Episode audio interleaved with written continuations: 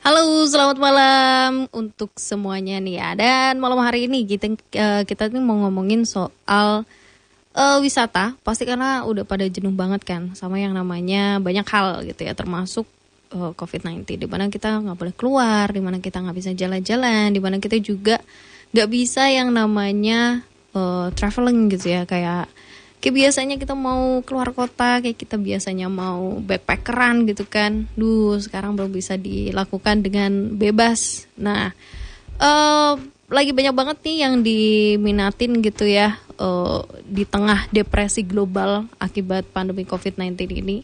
Dan ini sebenarnya memang nggak baik banget ya uh, untuk mental seseorang gitu kan. Karena satu uh, ada dari epidemiolog gitu ya namanya Tifauzia Tiasuma dia mengatakan uh, wisata ini sebenarnya jadi pilihan yang bagus nih untuk masyarakat untuk melepaskan penat. Tapi kan memang karena kondisi pandemi ini kita nggak bisa bebas nih untuk bepergian jalan-jalan ke sana kemari untuk ngobrol sama orang yang kita temui dengan bebas gitu kan. Nah, kalau dari Tifauzia ini seorang epidemiolog ini menyebutkan uh, wisata virtual ini bisa jadi satu pilihan bagi masyarakat ya.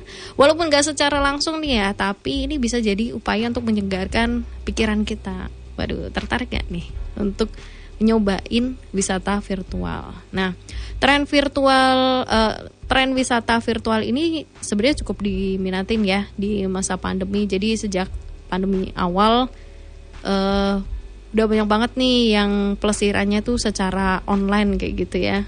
Nah, rasanya tuh uh, mungkin kita nggak bisa nggak bisa pergi gitu ya, tapi tetap kita bisa ngerasain. Jadi ada pendiri outing.id ini Irwan Tamri yang uh, dia cerita gitu ya bahwa uh, Irwan dan timnya ini sudah banyak banget melayani banyak pelanggan yang pingin pelesiran secara online.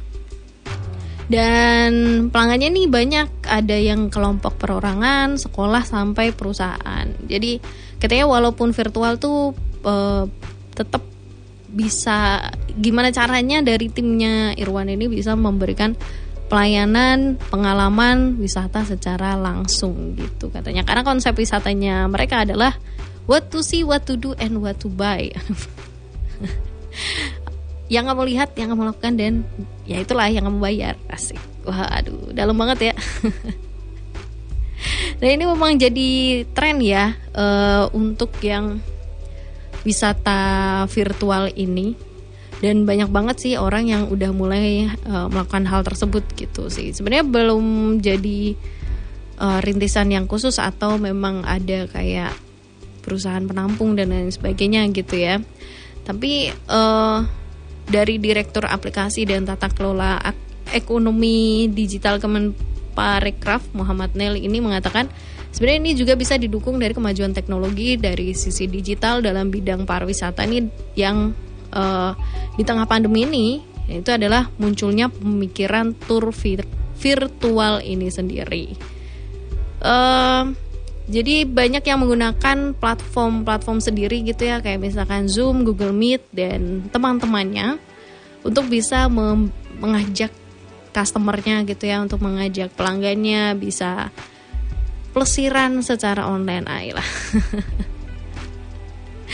nah misalkan nih kalau ada orang yang pengen liburan ke pantai jadi kita uh, bisa lihat secara virtual dulu pantainya enak suara ombaknya terus uh, suasana pantainya panasnya aduh kerasa banget ya. Wah enak banget itu. Saya pun juga jadi mau ya. Nah, kalau tren dari uh, wisata ini memang berubah ya di masa new normal gitu kan. Kayak misalkan uh, awalnya nih kalau kita wisata itu kan rame-rame ya sekarang kalau kita wisata tuh jadi nggak nggak bisa rame-rame gitu. Jadi jalan-jalan sendiri atau berdua. Kalau bisa satu sekolahan gitu kan studi banding ke Bali. Ya masa SMA kali. Atau kalau yang kuliah KKL gitu kan KKL ke Singapura. Sekarang kita nggak bisa kan bisanya jalan-jalan sendiri atau berdua aja. Atau ya bertiga berempat gitu kan. Dan itu tetap uh, protokol kesehatan diterapkan sangat-sangat diterapkan gitu.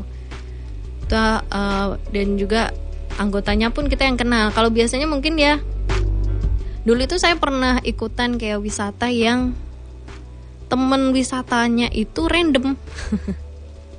Jadi kayak dibuka gitu kan yang mau ikutan uh, tur ke Bromo waktu itu ya tur ke Bromo. Saya sama teman saya itu ber bertiga ya kalau nggak salah ya. Nah tapi uh, yang dibuka itu sampai 10 ya udah kita uh, selain kita bertiga berarti ini udah banyak gitu. Nah itu orang lainnya tuh yang kita gak kenal akhirnya kenal dari situ. Tapi sekarang kita belum bisa lakukan hal tersebut ya karena emang kita nggak pernah tahu kalau kita nggak kenal kan kita nggak tahu dia dari mana dan lain sebagainya. Nah uh, sekarang juga nih selain dari wisata yang aslinya ramai-ramai jadi individual tren yang sekarang itu juga wisata alam yang lebih jadi tujuan. Karena kalau di rumah itu kan udah sumpek ya udah udah kayak yang namanya tuh capek udah yang namanya itu pingin aduh pengen nyegerin pikiran pengen uh, ngilangin penat pengen oh, udahlah keluar gitu kan. Akhirnya jadilah wisata alam jadi tujuan. Banyak kalau di Semarang di Jawa Tengah tuh banyak banget wisata alam gitu ya. Dari mulai yang Gunung Ungaran terus yang air terjunnya gitu kan Gunung Merbabu mungkin anda kalau mau ke sana. Banyak banget tempat-tempat yang bisa nyegerin pikiran dan juga uh, bisa melepas kepenatan. Terus tren sekarang juga ya kalau misalkan sebelumnya kita tuh uh, kalau ke tempat wisata tuh udah dateng nikmatin pulang gitu kan. Tapi kalau sekarang banyak banget nih uh, protokol atau step-step yang harus kita lewatin gitu ya dari mulai. Biasanya ada dicek suhu tubuhnya cuci tangan pakai masker apa enggak gitu kan. Jaga jarak dan lain sebagainya. Dan dibatasin. Ada beberapa tempat yang memang uh, dibatasin gitu ya. Kalau pengunjungnya lebih dari sekian itu berarti sudah harus ditutup di uh, destinasi wisata tersebut. Nah itu kita juga uh, trennya sekarang sih seperti itu. Dan juga uh, tren sekarang itu wisatanya lebih ke domestik. Ya karena luar negeri agak susah. Ya mau gimana lagi gitu ya.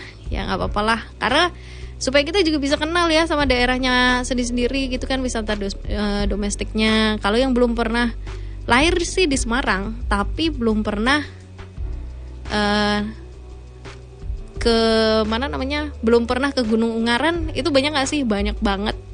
Saya baru naik ke Gunung Ungaran itu waktu kuliah ya kan? Padahal saya sudah hidup di Semarang itu dari lahir. Dan saya yakin banyak banget yang juga belum pernah ke air terjun air terjun di uh, daerah Kabupaten Semarang.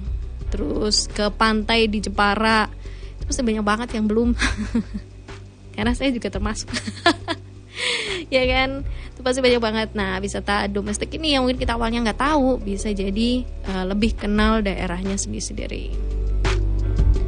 Dan juga uh, pembukaan destinasi wisata sekarang itu memang bertahap ya. Nggak bisa yang semuanya dibuka gitu kan.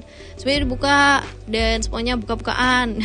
Buka-bukaan sih ya semuanya bisa terbuka dengan leluasa itu nggak bisa ya. Jadi pelan-pelan bertahap dan juga protokol kesehatan. Itu sih dari tren wisata ya yang uh, istilahnya peralihan dari yang kita dulu dan sekarang yang new normal. Jadi before and after COVID-19 gitu ya. Tapi tetap kita ambil hikmahnya tetap ada sisi positifnya pasti dari kejadian ini dan kalau misalkan anda juga bingung nih mau ke mana tadi udah ada udah ada trennya yang bisa anda ikutin juga Jadi nggak cuma anda yang penat gitu ya, semua orang penat. Silahkan ada wisata. Mau pilih wisata yang virtual, mau pilih wisata yang domestik, mau pilih wisata alam. Yang pastinya protokol kesehatan itu tetap harus harus wajib wajib untuk dijaga, gitu ya.